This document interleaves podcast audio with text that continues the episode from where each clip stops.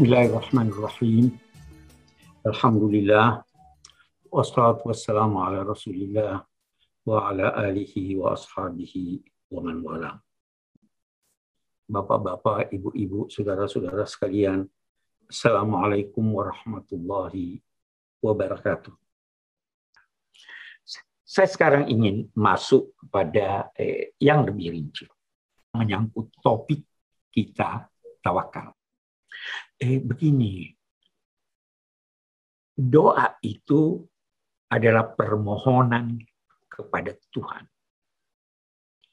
Tawakal itu adalah pengendalian pihak lain tentang urusan yang harus ditangani oleh yang mewakilkan. Mewakilkan pihak lain untuk urusan yang harus ditangani oleh yang mewakilkan. Baik doa, baik permohonan maupun tawakal itu berbeda substansinya ketika Anda bermohon kepada manusia dengan bermohon kepada Tuhan, berbeda juga substansinya antara mewakilkan manusia dan mewakilkan Tuhan. Tawakal itu terambil dari kata wakil, mewakilkan Tuhan. Apa perbedaannya? Mari kita lihat. Kita lihat dulu dalam tolong. Ketika saya berkata, tolong ambilkan segelas air itu kepada orang lain maka saya tidak perlu aktif. Saya bisa duduk di tempat saya, yang menolong saya akan mengantarkan air itu kepada saya. Jadi, minta tolong tidak menuntut Anda harus terlibat dalam upaya meraih apa yang Anda harapkan untuk ditolong itu. Tetapi ketika Anda meminta tolong kepada Allah, Allah enggan dalam dua tanda petik bekerja sendiri. Anda dituntut untuk melakukan dulu sesuatu yang mampu Anda lakukan, baru minta tolong kepada Tuhan. Kalau tidak, bisa jadi Tuhan tidak tolong Anda. Itu sebabnya ketika berbicara tentang doa dalam Al-Quran, Allah menjanjikan ujibu da'wat da'i idza da'ani. Kuperkenankan permohonan yang berdoa kalau dia berdoa. Jadi ada syarat-syarat untuk dinamai seseorang itu berdoa. Mari kita lihat pada makna tawakal mewakilkan Tuhan. Ada perbedaan antara mewakilkan manusia dan mewakilkan Tuhan. Kalau seseorang mewakilkan orang lain, maka dia tidak perlu lagi terlibat dalam urusan yang diserahkannya kepada yang mewakilkannya. Bapak Gubernur diundang untuk hadir di suatu tempat. Dia wakilkan kepada Bapak atau Ibu wakil. Pak Gubernur tidak perlu lagi hadir ke tempat itu. Itu manusia ketika mewakilkan kepada manusia lain. Tetapi tawakal mewakilkan kepada Tuhan tidak seperti itu banyak bedanya antara mewakilkan kepada Tuhan dan mewakilkan kepada manusia. Mari kita lihat perbedaan yang pertama. Yang pertama, Anda harus dituntut melakukan sesuatu yang berkaitan dengan persoalan yang Anda minta agar Tuhan mewakili Anda dalam hal tersebut. Anda dituntut terlebih dahulu melakukan sesuatu, baru Anda minta Tuhan agar mewakili Anda pada sisa yang Anda tak mampu untuk melakukannya.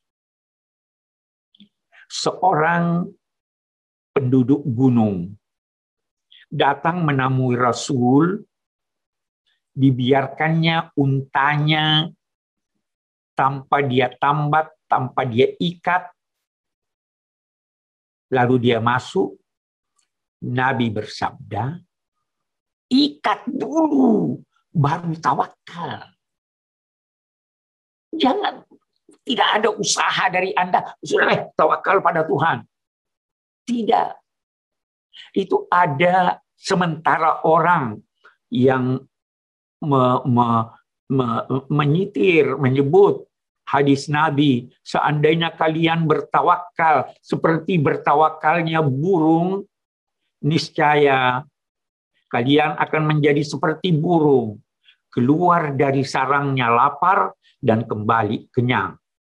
Mereka berkata, kita seperti burung aja. Dia lupa bahwa burung tidak tinggal di sangkarnya.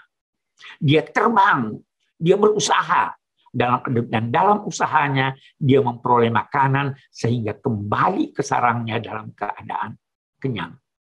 Jadi tawakal kepada Tuhan menuntut Anda melakukan kegiatan sesuai dengan persoalan yang Anda minta agar Tuhan mewakili Anda pada sisanya. Itu yang pertama. Yang kedua, kalau Anda mewakilkan manusia, maka bisa jadi Anda lebih pandai dari manusia yang merupakan wakil Anda. Bisa jadi anda tidak puas karena kegagalannya mewakili Anda. Anda tidak puas, boleh jadi karena tidak percaya bahwa dia tidak serius dalam menangani apa yang Anda tugaskan kepadanya. Sehingga yang mewakilkan dapat menarik perwakilannya dan memberikan kepada orang lain. Tapi tawakal kepada Allah tidak demikian. Allah maha kuasa. Maha mengetahui kemaslahatan seseorang. Tidak ada yang dapat menghalangi kehendaknya. Sehingga setelah Anda bertawakal, tidak wajar Anda menarik apa yang Anda telah wakilkan kepada Tuhan. Selama syarat pertama tadi Anda telah penuhi. Saya sudah berusaha. Sekarang tidak ada lagi usaha yang dapat saya lakukan. Maka saya bertawakal kepada Allah. Saya mewakilkan Allah dalam apa atau urusan yang tidak mampu saya selesaikan. Saya akan beri contoh.